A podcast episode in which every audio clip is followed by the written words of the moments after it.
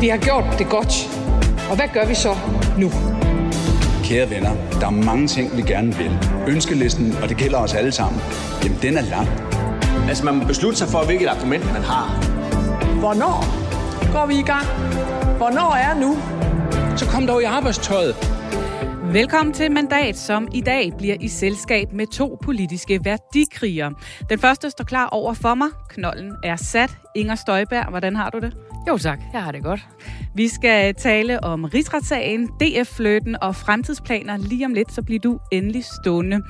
Vi skal også runde den skældsættende sikkerhedspolitiske aftale, som den danske regering drømmer om at forhandle på plads med USA, ligesom vi skal omkring Mette Frederiksens farveskifte. Vi er ikke nu røde, før vi er grønne. Altså det grønne er ikke noget, der kommer efter det andet.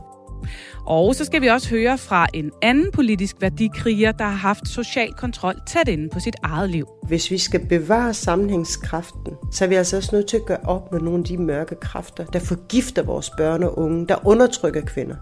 Halime Ogus fra SF er godt i gang med at ruske i venstrefløjens integrationspolitik, og det har vagt opsigt og kritik. Velkommen til en omgang mandat, der er alt andet end gået på vinterferie. Politisk redaktør Thomas Larsen er klar her i studiet, og det er jeg også. Jeg hedder Pernille Rudbæk. Velkommen til. Og så velkommen til dig, Inger Støjberg. Mange tak.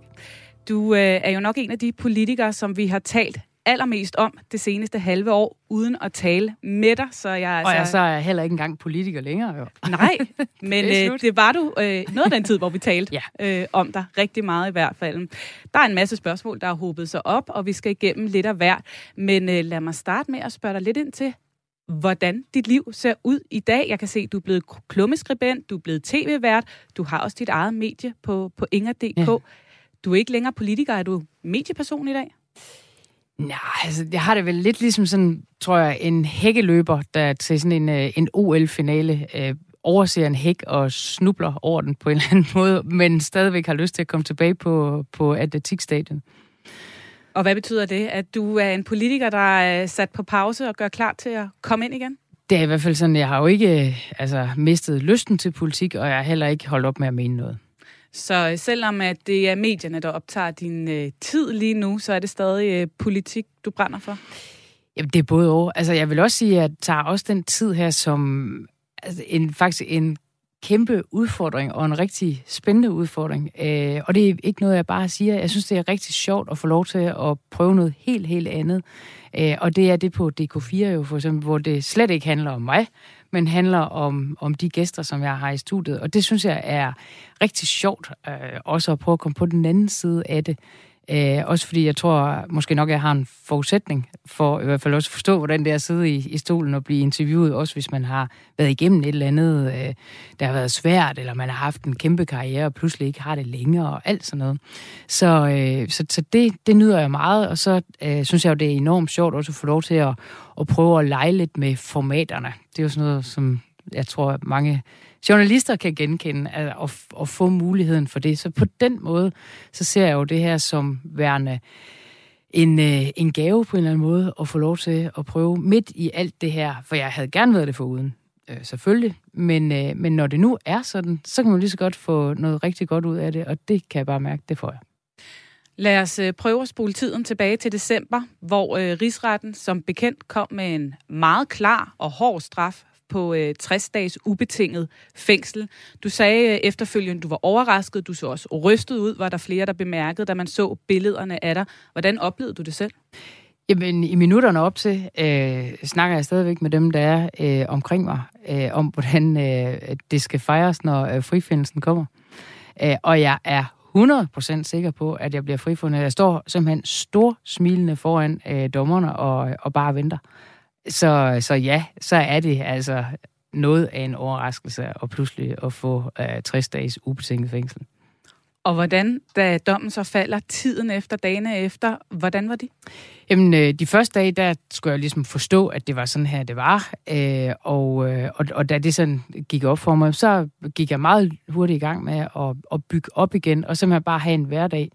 Så, øh, så jeg vil sige, at altså, dommen falder om mandagen, og om torsdagen, der lever jeg allerede sådan helt almindeligt liv igen. Står op til normal tid, tager øh, det normale tøj på, lægger make op, kører en helt almindelig dag, selvom jeg jo ikke rigtig har et arbejde længere, så, så kan man sige, så, så indretter jeg mig som om, at jeg har det, og det har jeg gjort lige siden, selv i juledagene, altså simpelthen bare for lynhurtigt at komme øh, tilbage igen. Det er jo den måde, jeg bedst kunne komme igennem det her på. Jeg tror, der er andre mennesker, der måske vil tage en pause og tage ud og rejse, eller hvad ved jeg, tage, tage på en eller anden måde noget, noget altså overlov for livet, et frikvarter for livet, men, men det er slet, slet ikke min øh, måde på det. Så, så det tror jeg er meget individuelt, men altså, det var sådan, jeg øh, gjorde det, og, og det kan jeg bare mærke, det var det helt rigtige for mig. Du siger selv, at du var 100% sikker på, at du ville blive frifundet. 100%. Men 25 ud af 26 dommere, de afgjorde altså, at du har brudt loven. Har du accepteret den dom i dag? Jamen, det er jo, som det er. Øh, men det ændrer jo ikke på, at hvis du står og ser, at der er noget, der er helt galt, og det mente jeg dengang, og det mener jeg også i dag, at det er helt galt, når der er piger, der bliver øh, holdt i et ægteskab, som, som de ikke nødvendigvis vil være i, og som, øh, som der er blevet gift ind i det, øh, før de overhovedet er øh, gamle nok til at blive gift, altså at de har været barnebrud, at så mener jeg, så har man en menneskelig forpligtelse til at gribe ind. Det gjorde jeg, og det står jeg 100% ved også i dag. Øh, og, og jeg mener også, det er sådan, at det bør være. Det blev bare vurderet anderledes i rigsretten, og det må man så tage til sig, og det har jeg taget til mig. Øh, sådan er det. Så vil det sige, at du accepterer, at du har brudt loven? Jamen, man kan jo ikke diskutere med, med rigsretten. Altså, det er jo, som det er. Altså, der er jo ikke, der er jo ikke nogen ankeinstans. Det er, det er, det er sådan en, en, det eneste sted overhovedet i, i samfundet, kan man sige, hvor der kun er én instans at gå til. Og sådan er det. Og, og det kan ikke være anderledes. Og så er det jo bare om at tage sin straf, og så det gør jeg med rankryg. Altså, sådan er det bare. Ja, og efterfølgende, så skulle du jo så rette ryggen, som du selv siger, og se dine par, øh, politikerkolleger i øjnene. Mm mens de stemte dig uværdigt til at sidde i Folketinget, hvor du har siddet i 20 år. Hvordan var det at forlade Folketinget efter en øh, ja, forløbig lang politisk karriere på den her måde? Jamen, det var jo en øh, konsekvens, som jeg, øh, altså allerede i minutterne efter dommen, øh, der sagde jeg faktisk til øh, det team af forsvarsadvokater, jeg havde, at øh, Nå, så skal jeg ud og skabe mig et nyt liv. Øh, og, og det fik jeg jo ret i, kan man sige, fordi den 21. december, der var det slut i Folketinget. Men hvordan var det at sidde i salen? At, at opleve det? Jamen, det havde jeg det faktisk øh, godt med. Altså, jeg havde forberedt mig meget på det, øh, og, øh, og var faktisk lidt overrasket over, at det blev, blev over fire timers debat. Og man må sige, at der er nogle af dem, som har været med til at træffe beslutningen, der bare har stået ved det hele vejen igennem, og også stod der i Folketingssalen, og stadigvæk stod ved, at de har været med til dengang at bakke op om det. Og så var der nogle andre, der ikke gjorde, og det kan jeg jo bare, øh, altså det, det kunne jeg jo så sidde og betragte. Jeg havde besluttet mig for, at jeg ville sidde dernede, men jeg havde også besluttet mig for, at jeg ikke ville sige noget, øh, og heller ikke stemme, selvfølgelig. Det synes jeg, det, det giver ligesom ikke rigtig nogen mening. Men det er da øh, meget specielt sådan at blive eskorteret ud af Folketingssalen efter 20 år. Øh, det må jeg sige. Det var godt nok en, øh, en øh, noget speciel oplevelse. Det er da ikke noget, jeg, jeg håber, der er så mange andre, der skal prøve. Og hvordan var det at se kollegerne i øjnene den dag? Jamen, jeg tror, at mit indtryk var, at der var flere, der havde svært ved at se mig i øjnene, end, end jeg havde svært ved at se dem i øjnene. Fordi øh, altså, jeg har jo ligesom øh, ment det samme hele vejen igennem og stået fast på det, og, øh, og sådan var det, og det står jeg ved den dag i dag. Siden, der øh, fik du jo mere eller mindre et øh, jobtilbud, som de færreste får, nemlig at træde direkte ind som formand af et nyt parti, der er blevet flyttet og bejlet til den helt store guldmedalje fra Dansk Folkepartis side. Hvornår besluttede du dig endelig for, at det ikke skulle være? Det kan jeg ikke sige sådan helt øh, præcis. Altså, der er ikke sådan et eller andet tidspunkt. Men, men jeg tænkte rigtig meget over altså, min egen tid i politik, og hvordan jeg selv ville have haft det med, hvis jeg havde været aktiv i et parti i rigtig mange år, og så kom der en fremmed fugl, om man så må sige, ind. Jeg har haft et enormt godt samarbejde med Dansk Folkeparti, og jeg har været enormt tæt på mange af, af, af medlemmerne. Øh, ikke bare dem i Folketinget, men jo også rundt omkring i, i Dansk Folkepartis bagland. Men jeg har jo bare ikke slidt en bil eller to op rundt i baglandet. Og det synes jeg faktisk, hvis man skal ind i et eksisterende parti, hvad får man for det, så mener jeg rent faktisk, at så skal man have slidt en bil eller to op i, i baglandet. Altså prøv at forestille dig at sidde til et hovedbestyrelsesmøde, og så være lidt i tvivl om, hvem er det egentlig, der er hvem, og, og man sidder og kigger ud over de forskellige øh, byrådspolitikere og regionsrådspolitikere, og ikke er helt klar over, hvem der er hvem. Altså det, det synes jeg, hvis man er hvis man er formand for et parti, så, så skal man kunne sådan noget. Og, og det kræver bare nogle år. Og derfor synes jeg ikke, at det vil være seriøst. Og jeg synes ikke, det vil være ordentligt over for medlemmerne af, af Dansk Folkeparti bare lige pludselig at sidde der for, for bordenden. Men var det en erkendelse, du nåede frem til efterhånden, som det blev begyndt at se mere og mere mudret ud, eller vidste du det lige fra starten? Nej, men jeg, altså, man, jeg tror også bare, man, man må også bare... Altså, jeg tror også bare, man skal forstå, at når man sidder som mig i en rigsretssag på det tidspunkt, så er det bare det, der fylder. Altså, det jo ikke noget, jeg bare sagde, når jeg stod ude foran øh, døren til rigsretten og sagde, at nu er det lige en ting ad gangen. Det bliver nødvendigvis nødt til at være en ting ad gangen, fordi det at få en rigsret, det er, altså, det er jo... Øh, altså, det, det, det, det tror jeg ikke engang, at jeg ville sådan kunne sætte fuldstændig ord på i dag, hvordan det er, fordi det er, altså, det er jo en historisk begivenhed, og, og når det er en historisk begivenhed på den her måde, så er det også noget, der bare suger alt din øh, opmærksomhed og, og alt, hvad du overhovedet har øh, i dig. Og så tiden var bare ikke til at begynde med at overveje det. Øh, og, så, og så kom øh, dommen, det skulle lige fordøjes, og, og så, øh, så satte jeg mig ned der og tænkte over, jamen, der er noget helt galt ved at komme ind i et parti på den her måde. Men der gik dog noget tid efter at dommen øh, for rigsretten ja, Har du nogensinde prøvet at få 60 dages fængsel? Det må jeg sige, det kan jeg godt sige. Til. Det skal man sådan lige... og jeg har heller ikke rigtig haft nogen spørgsmål til råd, så vi, vi har ikke rigtig brugt det i min familie før. Så, så det er jo ikke sådan noget, man bare lige... Altså, det kan godt være, at man hvis man ser sådan noget her udefra, at man så tænker, okay, det fik du så den 13. december, så må du da i hvert fald den 14. december begynde med at tænke på noget andet. Sådan er verden simpelthen ikke. Altså, man prøver at forestille dig, jeg har fået øh, dommen i, i rigsretten som fuldstændig overraskende for mig, og med det vidste jeg så også, at nu er det så også slut øh, på Christiansborg. Altså, så synes jeg egentlig, det er fair nok lige at gå nogle rigtig lange ture med sin Labrador og, og gå og tænke over det ude i, i skoven. Og det gjorde jeg. Men følte du nogensinde en forpligtelse til os at, at melde noget ud øh, så hurtigt som muligt? For jeg tænker jo på, det var jo Dansk Folkeparti og den afgående formand Christian Tulsendal især, som jo virkelig bakkede dig op hele vejen. Man så det også, øh, da du øh, blev stemt ud af Folketinget, hvordan de en efter en stod og, og talte ja. din sag. De stod i deres livskrise, og mange håbede til det sidste, at du ville træde til. Følte du på nogen måde en forpligtelse til at melde rent ud, sådan så de også kunne komme videre? Jamen, det må jo også bare være sådan, at man ikke træffer en eller anden forhastet beslutning øh, i sådan noget som det her, fordi politik er ikke en leg. Altså, politik, det er ramme alvor, og, og jeg synes, nu står Thomas øh, Larsen godt nok også herinde, men, men jeg synes nogle gange, når man ellers ser kommentatorer, ikke så meget lige Thomas, men, men ellers, at så er det nogle gange næsten en sportskamp, der bliver øh, bedømt, og der bliver talt ud fra. Altså, det kunne lige så godt have været en sportskamp, og så, så er det slut lige om, om lidt, øh, og så starter der en ny kamp. Altså, sådan er det bare ikke. Det er ramme alvor, og man skal også bare tænke på, at i, i de politiske partiers bagland, altså, der er jo, der er jo nogen, der simpelthen Altså, de lever ikke af at være med i et parti. De lever næsten for at være med i et parti. Det, det er virkelig altså, noget, folk går ind i med liv og sjæl, og så kan man ikke bare komme og træffe en eller anden forhastet beslutning og sige, at Nå, men så er det lige det, jeg vil, og så er det lige noget andet i morgen. Sådan, det, det synes jeg ikke er, er i orden, simpelthen. Følte du, at du svigtede Christian Thulsen Dahl, som jo især var en, der håbede, at uh, du kunne komme ind og, og give Dansk Folkeparti det, de manglede? Jeg har i hvert fald snakket uh, meget med ham uh, om det, Øh, fordi øh, det, det synes jeg også er altså, selvfølgelig øh, helt øh, på sin plads.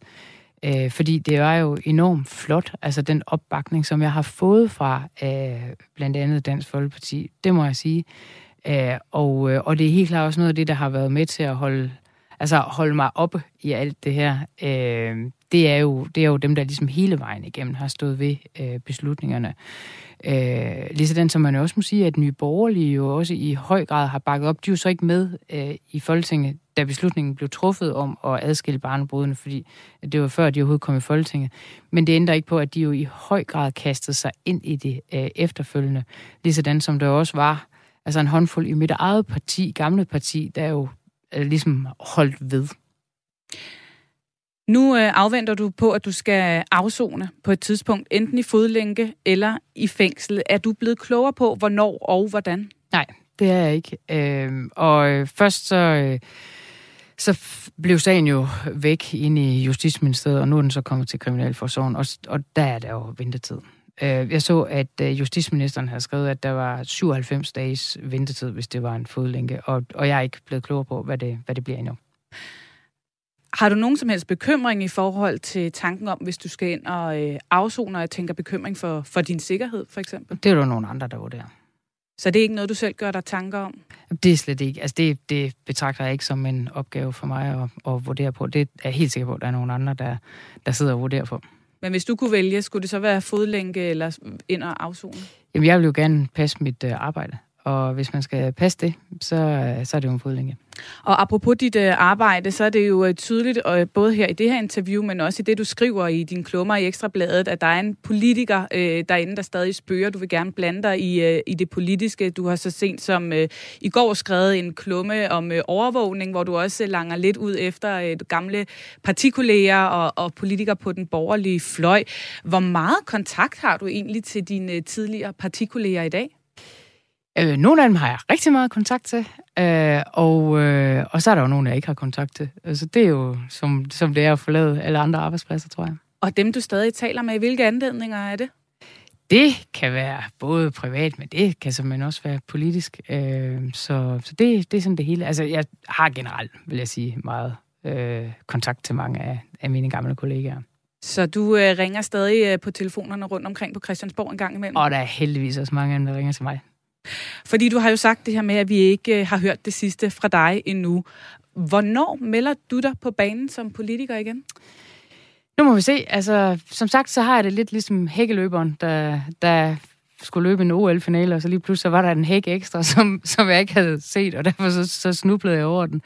Øh, men der må ikke være, være sagt, at, øh, at jeg så er helt er færdig. Jeg står der stadigvæk og kigger ind på atletikstadion og tænker, at det går nok også spændende derinde. Men det er også spændende at betragte det. Det vil jeg så også være ærlig at sige, at, øh, at man kan også godt, nogle gange når man står, står udefra og betragter ting, så ser det jo lidt anderledes ud. Og når du står der og betragter det, øh, og tænker på, hvis du skulle ind på banen igen, og hvilken rolle du så skulle spille, hvor ser du så, at der er plads til potentielt et nyt parti? Det er jo alt for tidligt at, at sige det. Altså nu, du har næsten resoneret dig frem til, at nu kommer der et nyt parti. Det har jeg ikke selv. Øh, men, øh, men altså, det er da klart, at øh, når, når jeg ikke er færdig med, med at mene noget, og stadigvæk har lyst til det, og hvis det også ser sådan ud om noget tid, jamen, så kan det godt være, at jeg vender tilbage. Men kan du udelukke, at du kommer med et nyt parti?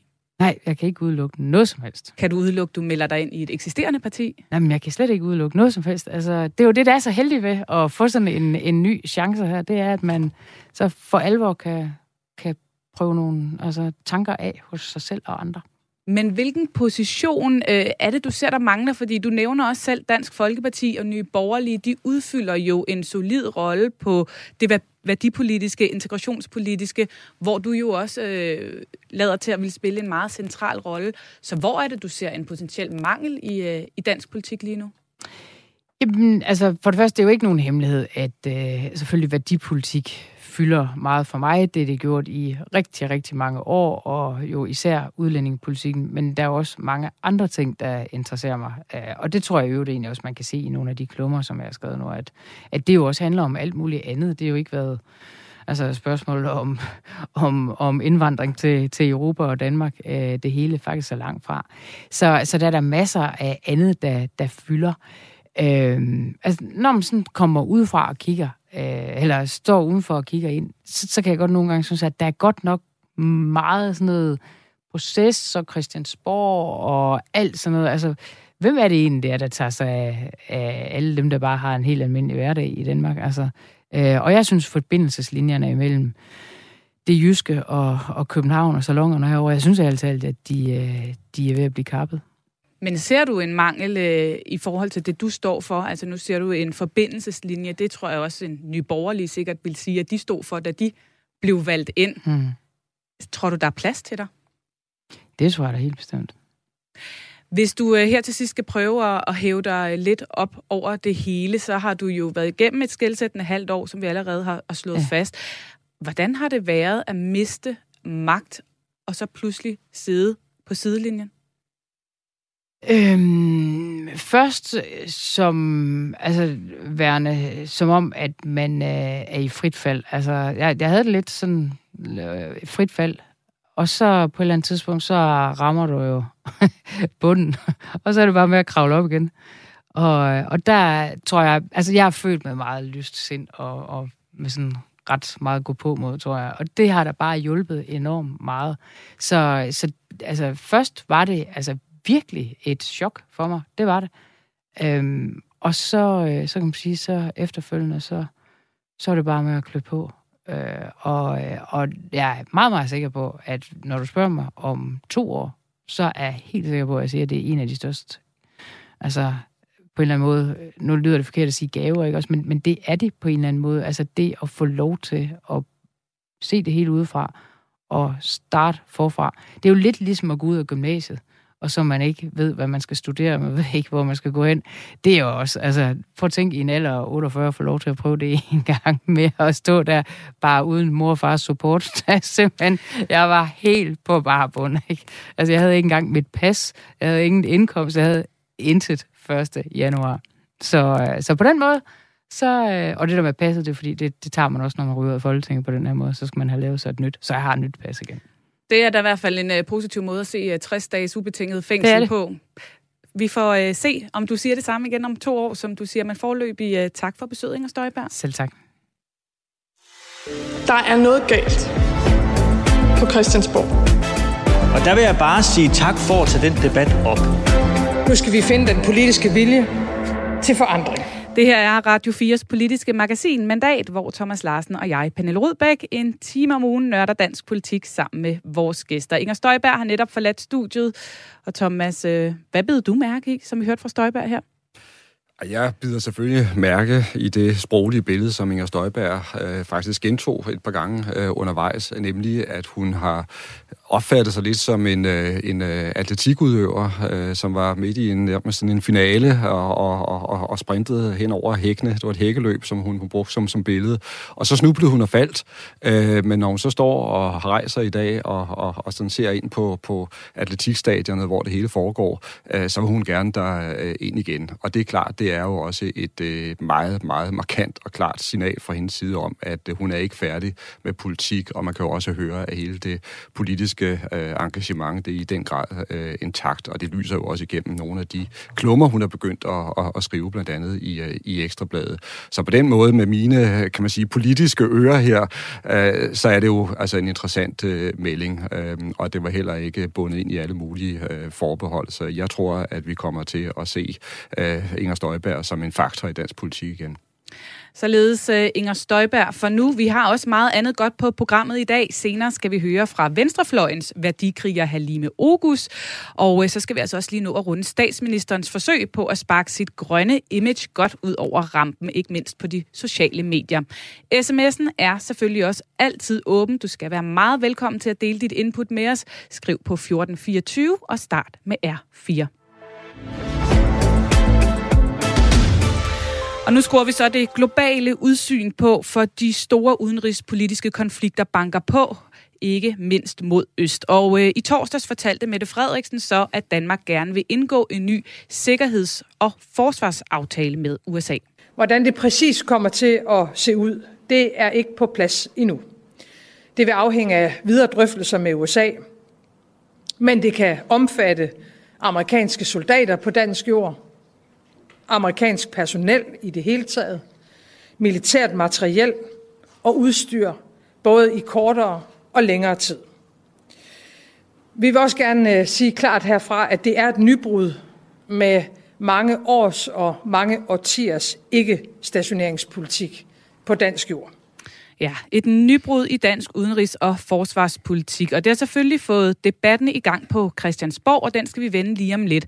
Men først skal vi høre, hvad der egentlig er på spil med den her aftale. Jeg har talt med en særdeles erfaren herre om sagen, nemlig Ulrik Federspiel. Han har været direktør for Udenrigsministeriet to gange, departementchef i Statsministeriet og ambassadør i Washington, og i dag er han så formand for det udenrigspolitiske selskab.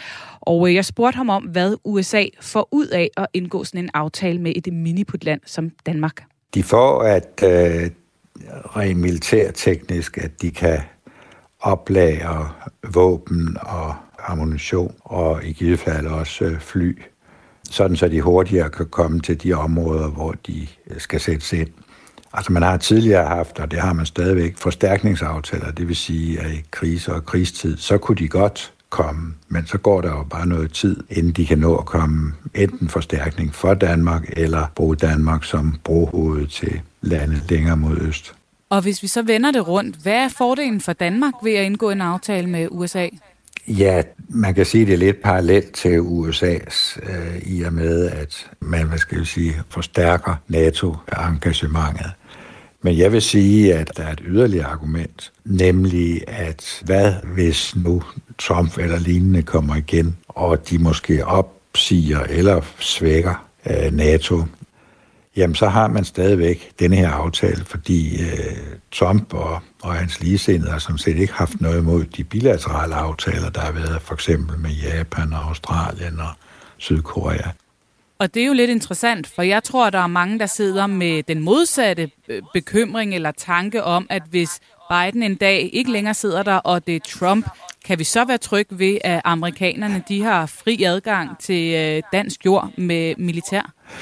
Jamen, der, der vil jeg sige, at det er netop en, en fordel, fordi hans første prioritet vil være at svække og måske altså i værste fald helt opsige NATO-traktaten. Ikke? Og så har vi stadigvæk en sikkerhedsgaranti i, i denne her bilaterale aftale. Men hvis han ikke er interesseret i NATO, vil han så være interesseret i at beskytte Danmark, eller vil han i virkeligheden mere bare bruge Danmark øh, til at have sine soldater tættere på russerne? Øhm, jeg tror også, han vil, i og med, at de har den aftale, så vil han også være interesseret i at beskytte os, fordi så har man en aftale, ligesom man har, som sagt, med, med andre lande. Statsminister Mette Frederiksen, hun øh, vil jo meget gerne have den her aftale med USA, og hun har så sagt, at den røde linje, det er, at regeringen ikke vil have amerikanske atomvåben på dansk grund. Men kan vi i virkeligheden være sikre på, at USA vil overholde det krav? Ja, det mener jeg, øh, hvis man tager Grønland, der overholdt de det jo altså, øh, eller rettere, da H.C. Hansen som statsminister og udenrigsminister sagde, at de godt måtte, ja, så havde de det. Men forinden havde de det ikke, og efter havde de det heller ikke, da vi sagde, at den, den går altså ikke. Og jeg tror jo, det er altså der, hvor USA, nu bliver lidt teknisk, har det atomvåben i dag, det er på fly, øh, og det er store fly, det er ikke så nogen, der vil kunne lande i, i Karup. Eller ubåde, og ubåde vil heller ikke sejle rundt med inde i danske havne eller dansk territorial farvand. Man kan ikke forestille sig sådan en stor atomubåd øh, rende rundt ind i Københavns Havn eller Aarhus Havn. Det tror jeg er teknisk totalt umuligt øh, med atomvåben. Så selvom de ville, og det tror jeg altså ikke, de ville, altså de, vi stoler jo sådan set på, på amerikanerne, at de aftaler, vi har indgået med, har de, har de overholdt. Men militærteknisk er det sådan set heller ikke, giver det ikke nogen mening at have atomvåben stationeret i Danmark. Og nu bruger du selv øh, forhistoriens tilfælde som, som eksempler på, hvad vi øh, kan regne med fra amerikanernes side. I, i slutningen af 1980'erne, øh, der ville Socialdemokratiet sikre, at øh, amerikanske skibe, som anløb danske havne, ikke måtte have netop atomvåben med ombord. Og det udløste et opgør med USA, fordi amerikanerne ikke ønskede at oplyse, øh, hvorvidt deres skibe havde øh, atomvåben ombord eller ej. Hvordan kan en dansk regering i praksis så sikre sig, at amerikanerne respekterer ønsket om, at øh, deres skibe ikke må komme med atomvåben? Men det er rigtigt, at i, i slutningen af 80'erne, der, der vil man ændre på den meget faste og ufravigelige amerikanske og øvrigt engelske og franske øh, princip om, at man aldrig oplyser om, hvilke enheder man har atomvåben på. Og det siger sig selv, fordi så vil fjenden jo vide, hvor det var, der var atomvåben. Så, så amerikanerne vil ikke afgive en erklæring om, at de aldrig vil have atomvåben på skibe i danske farvande. Det er no-go, og den amerikanske flåde er meget stærk på det felt. Så det du siger, det er, at vi øh, kan reelt ikke kontrollere det, men du ser heller ikke nogen anledning til at være bekymret omkring det. Netop. Hvis du var rådgiver for Mette Frederiksen og amerikanerne, de henvendte sig for at få lavet sådan en her aftale, hvad vil dit råd så være til regeringschefen? Jamen det vil da være, at, øh, at det var en, en god idé at styrke båndene til USA øh, stærkere, og så det var sværere også for USA at komme ud af. Og det er måske ikke mindst det sidste argument, som jeg synes er stærkt. Hvordan det? At, at jeg tror, man på længere sigt kan være bange for, at USA's interesse i Europa svækkes. det siger USA jo også mere eller mindre, uanset om det er Trump eller Biden, relativt klart, øh, at deres interesse ligger i Asien. Jeg siger ikke, de vil opsige NATO, men at det gælder om at holde, så længe vi kan, USA interesseret i Europa. Ikke? Og vi kan jo ikke forvente uh, i al evighed, at de skal have 80-100.000 mand stående i Europa. Så din bekymring går ikke så meget ligesom... på, om de er her, men om de ikke er her? Ja, præcis. Ja, sådan sagde Ulrik Federspil, altså da jeg talte med ham øh, tidligere på ugen. Thomas, hvordan er udsigten til, at Mette Frederiksen kan finde opbakning på Christiansborg til øh, den her aftale? Jamen, den ser god ud set fra Mette Frederiksens øh, perspektiv, fordi altså, når man kigger ud over det politiske landskab, så er der udsigt til, at et øh, massivt flertal øh, er enige i, at det vil være en god idé, at vi får den her skældsættende aftale med amerikanernes, og der er også mange af de borgerlige partier, der står i kø nærmest for at bakke op. Men vi har jo hørt kritiske røster fra støttepartierne, SF og især enhedslisten er meget kritiske øh, over at skulle tillade øh, amerikanerne at, at stille op på, på dansk jord på den her måde. Kan det blive et problem på, for Mette Frederiksen? Det er fuldstændig rigtigt. Både SF og enhedslisten er stærkt, stærkt kritisk over for det her, og er også ude og kritisere øh, Mette Frederiksen altså meget kraftigt i, øh, i medierne. Altså rent politisk får det ikke nogen betydning forstået på den måde, at de to partier altså får ikke nogen jordisk chance for at blokere for den her øh, aftale, fordi det vil et meget stort politisk flertal være parat til at bære igennem. Men selvfølgelig er det ubekvemt for Mette Frederiksen, at hun er på kollisionskurs med sine to støttepartier, eller to af støttepartierne på det her meget øh, væsentlige felt.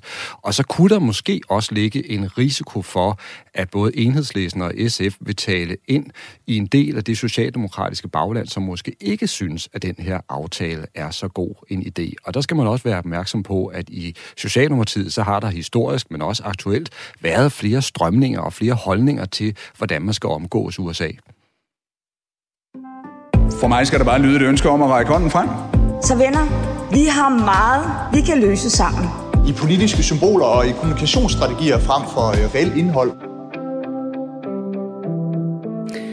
Nu startede vi udsendelsen med en af dansk politiks største selvudnævnte værdikriger, nemlig Inger Støjberg. Men nu skal det handle om en anden værdikriger i dansk politik, der lige for tiden gør sig bemærket med nogle særdeles direkte indlæg og klummer. En af dem har for eksempel øh, den her overskrift, mange muslimers fundamentalt anderledes værdier er på vej ud af kontrol. Og øh, den er fra Altinget i starten af den her måned. Og ordene, de kommer måske lidt overraskende fra SF, nemlig fra deres integrationsordfører Halime Ogus. Hun er altså godt i gang med at rykke i venstrefløjens udlændinge- og integrationspolitiske linje, og drivkraften, ja, den er faktisk personlig. Jeg har mødt hende til en snak på hendes kontor på Christiansborg, hvor hun fortalte om sin opvækst i Voldsmose med stærk social kontrol. Jeg var forskellig fra de andre. Øh, jeg måtte ikke være som de andre. Det var ikke de andre, der ikke ville have, at jeg skulle være som dem. Men, men det var faktisk øh, mine egne. Allerede som 17-årig, der, øh, der blev jeg også så gift, og det var sådan et arrangeret ægteskab. Der mærker jeg sådan helt bogstaveligt, hvad den sociale kontrol og hvad den middelalderlige kultur er for en størrelse. Så jeg skulle hele tiden balancere på et knivsæk. Altså, øh, sørge for ikke at skille mig for meget ud, øh, sørge for ikke at være for meget sammen med mine øh, studiekammerater, ikke at være i læsegrupper, bare tage på universitetet og hurtigt hjem igen, fordi der blev holdt øje med, hvor, hvornår jeg havde timer, og hvornår jeg havde fri. Øh, og alle mine øh, tasker og bøger, de blev simpelthen gennemtjekket. Var der et eller andet, der sådan ligesom skillede sig ud? Men efter jeg startede øh, på uddannelse, var det faktisk også der, jeg sådan ligesom blev mere og mere bevidst om, at det her det går simpelthen ikke længere. Enten så mister jeg mig selv, eller også øh, så må jeg simpelthen øh, gøre op med miljøet øh, og gøre op med baglandet. Altså jeg stod simpelthen mellem de to valg. Så valgte jeg øh, det sidste. Det var simpelthen så befriende, at jeg selv kunne bestemme, at jeg selv kunne tjene mine penge, at jeg selv kunne vælge, øh, hvordan jeg vil leve. Jeg vil nok kalde det for smukt. Øh, det er der nok ikke mange, der vil, når den, der er nok ikke mange, der vil bruge det ord, men øh, det var bare smukt. Hvis du skal tegne en linje fra den Halime, der dengang brød med det hele og valgte en ny vej, til den Halime, der sidder her på Christiansborg – i dag. Hvordan ser den så ud? Jeg tror altid, jeg har været den samme Halime. Altså, jeg tror altid, jeg har været øh, oprørsk. Jeg, jeg tror altid, jeg, jeg sådan gik imod øh, uretfærdighed. Jeg har altid stillet spørgsmålstegn ved, hvorfor der er forskel på mænd og kvinder. Altid.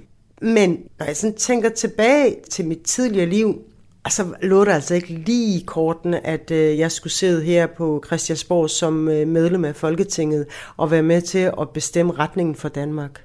Øh, og i dag blev udpeget til at sidde i en øh, kommission, øh, der, der ligesom skal øh, prøve at komme med nogle løsninger på at give kvinder og piger øh, flere rettigheder. Og øh, oven i købet, at øh, en Mette Frederiksen henvender sig til dig og siger, jeg er så glad for, at du er en del af den kommission. Altså det, der, der, det kan ikke være større. Jeg hedder Halime Okus, og jeg stiller op til Folketinget for SF i København. Du blev valgt ind i 2019 for SF. Nu er du integrationsordfører for partiet, og du har gjort dig bemærket med en, en lang række klummer, hvor du virkelig øh, råber op på en måde, som man ikke har været vant til at se fra venstrefløjen. Hvad er det, du gerne vil? Jeg vil gerne have, at vi sikrer, at ligestillingen når ud til alle kroge i samfundet. Det er ikke tilfældet i dag. Men negativ social kontrol er et vilkår i nogle miljøer, og det er et omfattende problem og har alvorlige øh, konsekvenser. Vi kan ikke have et samfund som vores, samtidig med, at vi også har nogle miljøer, der abonnerer på nogle helt andre værdier. Hvis vi skal bevare sammenhængskraften, så er vi altså også nødt til at gøre op med nogle af de mørke kræfter, der forgifter vores børn og unge, der undertrykker kvinder. Det er vi simpelthen nødt til at gøre op med. Flere og flere står frem øh, og fortæller om deres liv med negativ social kontrol. Venstrefløjen er nødt til at vende tilbage til deres, øh, til deres kerne, som bygger på demokratiet, ytringsfrihed, som er ganske, ganske udfordret i dag det burde vi venstrefløjen virkelig så hårdt ned på. Sidst handlede det om en ung kvinde, der stod over for valget enten at få sin frihed eller beholde sine børn. De har kæmpet for de her rettigheder. Det gør de ikke i dag. Hvor er de henne? Jeg kan ikke se den nogen steder. Så jeg hører, om enhedslisten kan bakke op om vores forslag. Mener du, at venstrefløjen har svigtet her? I høj grad. Det, det, I høj grad. Altså, det var faktisk også det, jeg undrede mig over i mine unge dage, når jeg så hørte øh, Venstrefløjen for eksempel udtale sig om øh, etniske minoriteter, hvor jeg bare tænkte, hold nu, mens jeg sad i det, hold nu op, ved I overhovedet, hvad det er, I taler om? Altså, tror I, at de på den her måde hjælper sådan som os? Altså ved at negligere problemerne, ved at skælde ud på dem, der råber problemerne op. Tror I selv, det hjælper sådan en som mig og alle mulige andre kvinder og børn, der vokser op i det her? Det gør I faktisk ikke. Er du sat i verden for at rykke SF og Venstrefløjen på det her punkt? Jeg tror for mit vedkommende, der handler det ikke så meget om at rykke øh, på nogen, eller, øh, men måske altså, hjælpe med at, at få deres øjne op øh, for de ting, øh, der foregår derude, men også ligesom at stille et spejl øh, foran dem i forhold til, hvad venstrefløjens værdier bygger på. Ja, for jeg kan jo også læse mig til, at det højrefløjen, de klapper i deres hænder nogle gange, når de øh, læser dine øh, klummer og, og indspark i debatten. Du har fået ros fra Nasser Carter og Pia Kærsgaard, og der er sikkert nogen, der undrer sig over, at du overhovedet er i, i SF. Er der måske en sandhed i, at du kan slippe afsted med at sige nogle af de her ting lidt nemmere, fordi du har den baggrund, du har, og du sidder i det parti, du gør? Det, der faktisk også har været et dilemma og skræmt venstrefløjen, det er, at øh, de har simpelthen været så øh, hundrede for at blive slået i hardcore med øh, højrefløjen øh, Pia Kærsgaard eller Nasser Carter. Og det har så afholdt dem fra at sige sandheden eller gå ind og påpege problemerne. Men, men, men, men det, jeg, jeg lader mig ikke kur af det her. Altså, øh, der er ikke noget som helst i de ting, som jeg skriver eller siger, som ikke er venstreorienteret. Altså, så må de simpelthen komme og pege på én eneste ting, som er højreorienteret. Det er det jo ikke. Altså, det er jeg insisterer på, at øh, kvinder skal have retten til at bestemme over eget liv og egen krop. Det er først og fremmest venstreorienteret. Det er ligesom det, feminismen øh, bygger på og går ud på. Øh, det at øh, have retten til at øh, kritisere og religiøse autoriteter. Det er altså ikke højrefløjs øh, politik. Det er venstrefløjen. Det er jo venstrefløjen, der modsatte sig de her religiøse autoriteter, gjorde op med de her.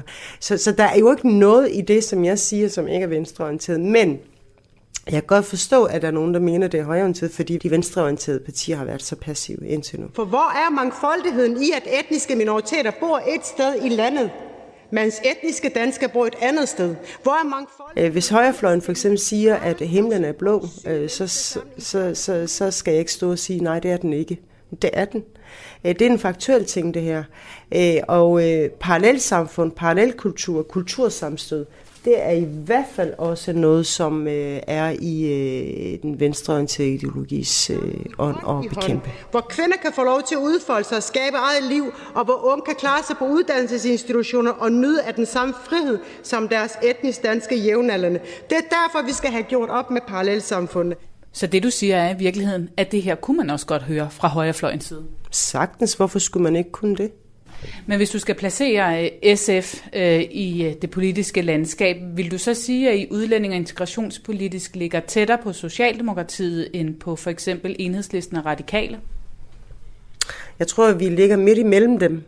Øh, men øh, jeg har ikke lyst til hverken at, at sammenligne i hvert fald mig personligt øh, med øh, Radikale Venstres øh, udlændingepolitik eller enhedslistens de er måske ved at, sådan, at, at vågne lidt op fra en tornerosesøvn, men, men jeg synes stadig, der er lang vej igen.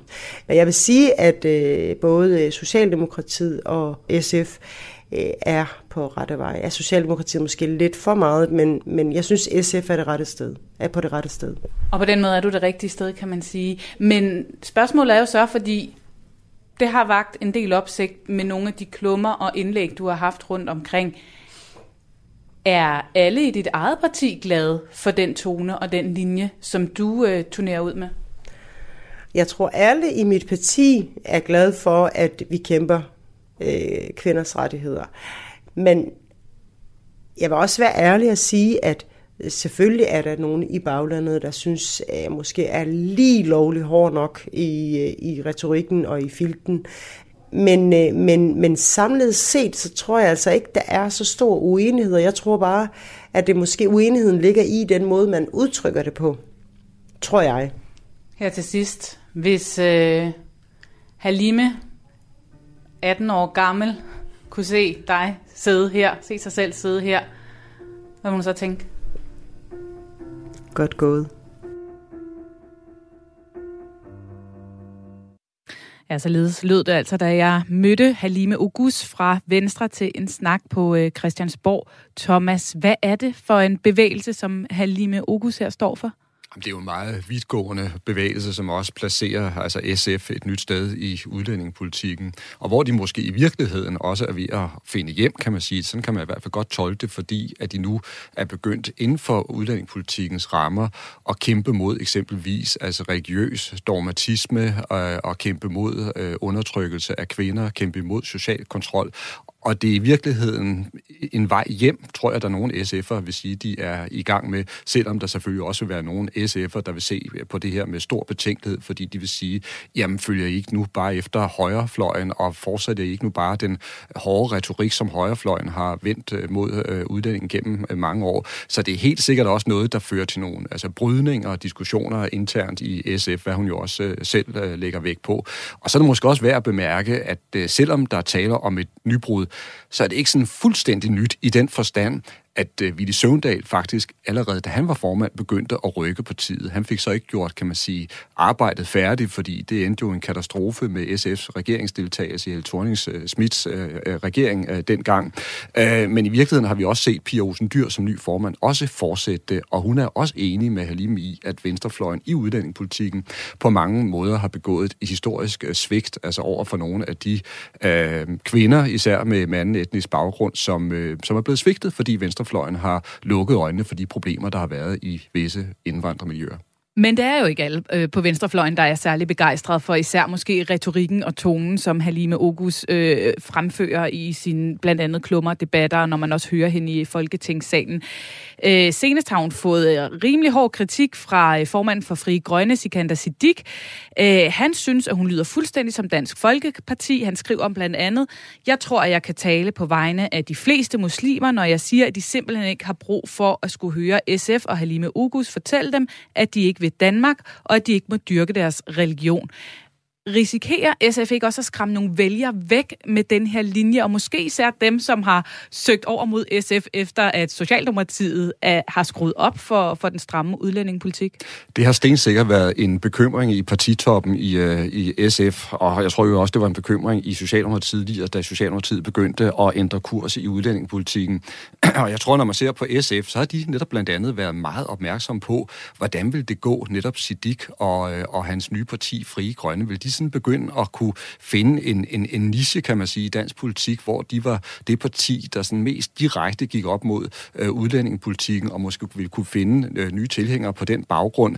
Men der må man jo så bare sige, at når man ser på meningsmålingerne over, hvordan det går for Frie Grønne, så ligger de simpelthen katastrofalt lavt. Og derfor er de i virkeligheden ikke blevet en trussel mod øh, SF. Men jeg tror, det er noget, man, man lægger mærke til, og jeg tror også, man har en fornemmelse af, at hvis man bruger sådan for kontant og hårdhandlet øh, retorik, så kan der være nogle SF'er, øh, der, øh, der sådan set vil, vil, vil få nok. Men her og nu, der må man jo bare konstatere igen, når man kigger på meningsmålingerne, at SF ligger stabilt, solidt og i virkeligheden rigtig, rigtig godt i meningsmålingerne. Så der er mere, der peger i retning af, at ligesom med Socialdemokratiet, så er den her transformation faktisk ved at lykkes for partiet. Altså, de kan godt stramme øh, udlændingepolitikken, de kan godt begynde at kæmpe for netop altså kvinders rettigheder inden for, politikens, øh, inden for udlændingepolitikens rammer, samtidig med, at de har alle deres gamle vælgere med sig. Politik handler også om at dele os efter anskuelser. Det var lige præcis det, jeg ønskede. Er vi klar til at gå hele vejen sammen, hvis vi kan blive enige? Når man gerne vil ændre sit politiske brand, ja, så kommer man altså ikke uden om de sociale medier. Det har statsminister Mette Frederiksen også fundet ud af. Vi er ikke nu røde, før vi er grønne. Altså det grønne er ikke noget, der kommer efter det andet det forbehold, der har været, det men, man har kunne høre engang, men det begraver vi nu. Hej Markus Stolte. Hej. Vores øh, faste ven her i programmet, og som hver uge gør os øh, klogere på dansk politik på øh, sociale medier. Hvad er det for en farvekampagne, som statsministeren har sat skub i her? Jamen, jeg kunne godt tænke mig, at vi lige starter med at spole tiden tilbage til i søndag, hvor øh, statsministeren havde en kronik i politikken, uh, øh, hvor hun proklamerede, at hun nu er grøn, før hun er rød. Uh, og at statsministeren og regeringen nu vil have klima som deres øverste, øverst på dagsordenen. Og i politikken blev kronikken jo endda også suppleret med to helsidesannoncer, og der var også en helsidesannonce i Jyllandsposten, uh, uh, hvor de sætter fokus på re- regeringens resultater på klimaområdet. Og dagen efter, altså i mandags, øh, udgav Socialdemokratiet, øh, både på Socialdemokratiets Facebook-side og på Mette Frederiksens Facebook-side, den her video, som du lige har spillet et klip fra, øh, hvor hun nu siger, at hun er, nu er grøn, før hun er rød. Øh, og i øvrigt også ramser en masse af de her resultater op. Og hvor meget fylder den her kampagne, og kan man sige noget om, om den virker? Jamen, hvis vi prøver at se bort fra, fra, fra kronikken og så videre, så, så vender blikket mod videoen, så blev den jo som sagt lagt op i mandags. Øh, og det er ikke en video, som der har klaret sig vildt godt øh, på hverken Socialdemokratiet eller Mette Frederiksens side. Øh, og det er måske også forventeligt, hvis du spørger mig. Det er lidt langt væk fra følelser, identifikation og selfies og alt det her, som jeg har talt meget om, virker rigtig godt for Mette Frederiksen. Øh, men det har nok heller ikke været pointen, at den skulle det. Fordi at samme dag øh, blev øh, videoen også brugt som annonce på Facebook og Instagram. Øh, og i løbet af de sidste to dage, så kan jeg se, at de har brugt et sted mellem 8 og 9.000 kroner øh, på den ene video. Øh, så det vil sige cirka 4-5.000 eller øh, ja, 3-4-5.000 kroner om dagen bruger de lige nu på, på den her video for at få den bredt ud til, til danskerne. Er det meget?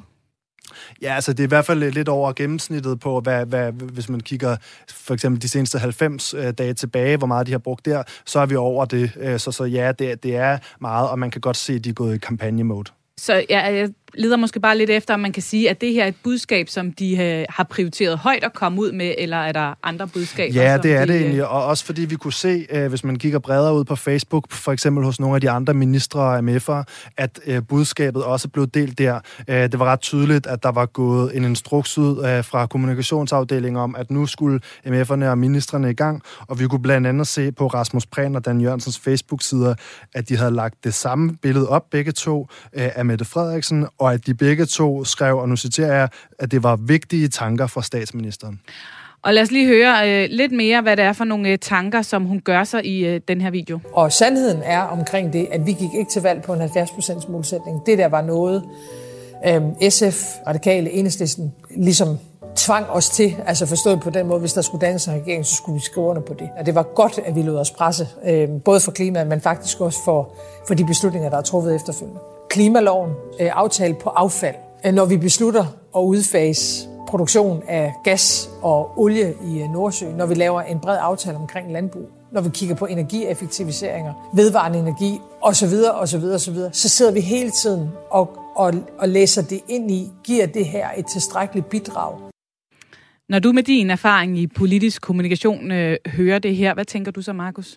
Jamen spørger du mig, så er vi ude i en lidt farlig disciplin her, en farlig politisk kommunikationsdisciplin, og det er resultatkommunikationen. Øh, som en, der har arbejdet i et parti, øh, der prøvede den øh, disciplin, kan sige, at det, det er ikke altid en, øh, en, en god strategi. Øh. Og der kan vi lige tilføje, at du har siddet i, og arbejdet for Liberal Alliance. Ja, lige præcis. Øh, og, og, og man kan sige, det med at, at, at, at, at lave resultatkommunikation og fortælle øh, vælgerne om, hvor godt man selv man synes, man har klaret det øh, i løbet af sin regeringsperiode, kan være farligt, fordi danskerne de vil allerhelst bare høre noget om nogle visioner øh, for, for den øh, førte politik. Men omvendt lægger hun så jo også ned og siger, at det var de andre, der havde ret. Ja, absolut. Øh, og det tror jeg, at man er nødt til i sådan en situation, fordi det er et markant sporskifte, og derfor så må hun også lægge sig lidt fladt ned og rulle rundt. Thomas, jeg kunne godt tænke mig lige at få dig på banen her. Som Markus også siger, det startede med den her store kronik, og nu kører det så som sådan en øh, social mediekampagne, og også noget, vi har hørt hende øh, understrege tydeligere og tydeligere i politiske taler i løbet af, af det seneste politiske år. Øhm, hvorfor ser vi det her øh, skifte, det her markante farveskifte? Ja, og du har måske fat i en ret afgørende pointe, øh, Pernille, når du undskyld siger, at, øh, at der faktisk har været flere taler, fordi sandheden er, at hun jo starter øh, den folketingssamling, vi er i gang med, med netop og på Socialdemokratiets kongres at sige, at øh, klimaet, den grønne omstilling, er simpelthen en helt afgørende øh, prioritering øh, for hende. Og hun følger det jo også op i, øh, i andre øh, vigtige øh, aftaler, så kan man sige, så kulminerer det forløbet med, med nytårstalen, hvor hun jo altså også virkelig gør den tale øh, grøn og kommer med grønne budskaber til befolkningen, og så kommer den her kampagne. Og der er ingen tvivl om, at det er simpelthen et forsøg på at vise vælgerne, og måske også vise støttepartierne, at Socialdemokratiet er ikke fodslæbende øh, i den grønne politik. Og det er måske det indtryk, altså, der har været i, i offentligheden, og som hun også selv har været med til at, at give, at Socialdemokratiet ligesom skal slæbes til troet. Nu viser hun, at de er klar til at gå forrest og, og, og være med. Og så skal vi huske en sidste meget afgørende ting, Pernille. Socialdemokratiet fik en øretæve ved kommunalvalget, og der er ingen tvivl om, at rigtig mange storbybeboere, øh, som er optaget af den grønne dagsorden, de følte sig svigtet af partiet og gik andre steder hen. Det er dem, hun er tilbage. Og alt det har jo også fået rygterne om et muligt forårsvalg til at svige på borgen og øh, øh, medierne osv. Øh, ser du også det her som et tegn på et snarligt valg?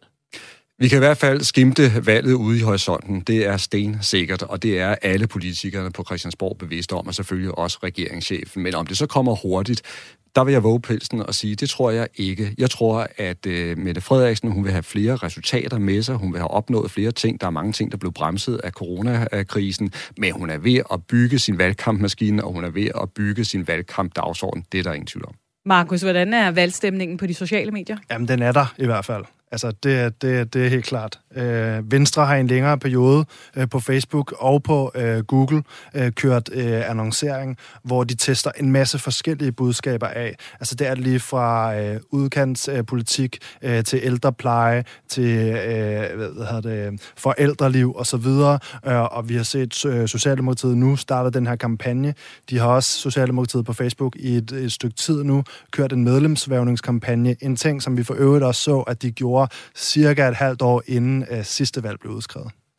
Og nu vågede uh, Thomas Larsen lige pelsen her. Uh, tror du på et forsvalg? Åh, oh, det ved jeg ikke. Det vil jeg lade Thomas om at vurdere. Men uh, i min verden er vi jo tæt på, når der er under halvandet år til. Så vi kommer til at stille det her spørgsmål sådan jævnligt i, i alle kommende programmer frem mod, der kommer et valg, og det er jo altså senest uh, sommeren om ja, knap halvandet år uh, efterhånden. Tak for besøget endnu en gang, Markus. Selv tak. Mandat er øh, ved at være færdig i dag, men altså, det er jo ikke fordi, vi går på vinterferie nu. Vi arbejder videre mod at give dig øh, endnu mere nyt fra dansk politik i næste uge. Hvad har du i kikkerten, Thomas? Jeg er jo desværre helt overbevist om, at den her krise, vi ser omkring Rusland og Ukraine, den vil fortsætte øh, og komme til at optage altså verdenssamfundet og, og selvfølgelig også øh, danske politikere. Og så er der jo altså også stadigvæk øh, sagen om øh, Forsvarets efterretningstjenesten og den øh, fængslede øh, tidligere efterretningstjeneste, der øh, øh, efterretningschef, undskyld, der, der, der spørger for, for Mette Frederiksen. Det er en sag, som altså er nærmest umulig at håndtere, øh, næsten ligegyldigt, hvordan udfaldet øh, bliver. Altså vil den være utrolig svær at lande for, for regeringen. Og så er der altså bare tilbage at sige tusind tak for i dag. Tak fordi du lyttede med. Vi er tilbage i din radio igen om en uge. Nu er der nyheder.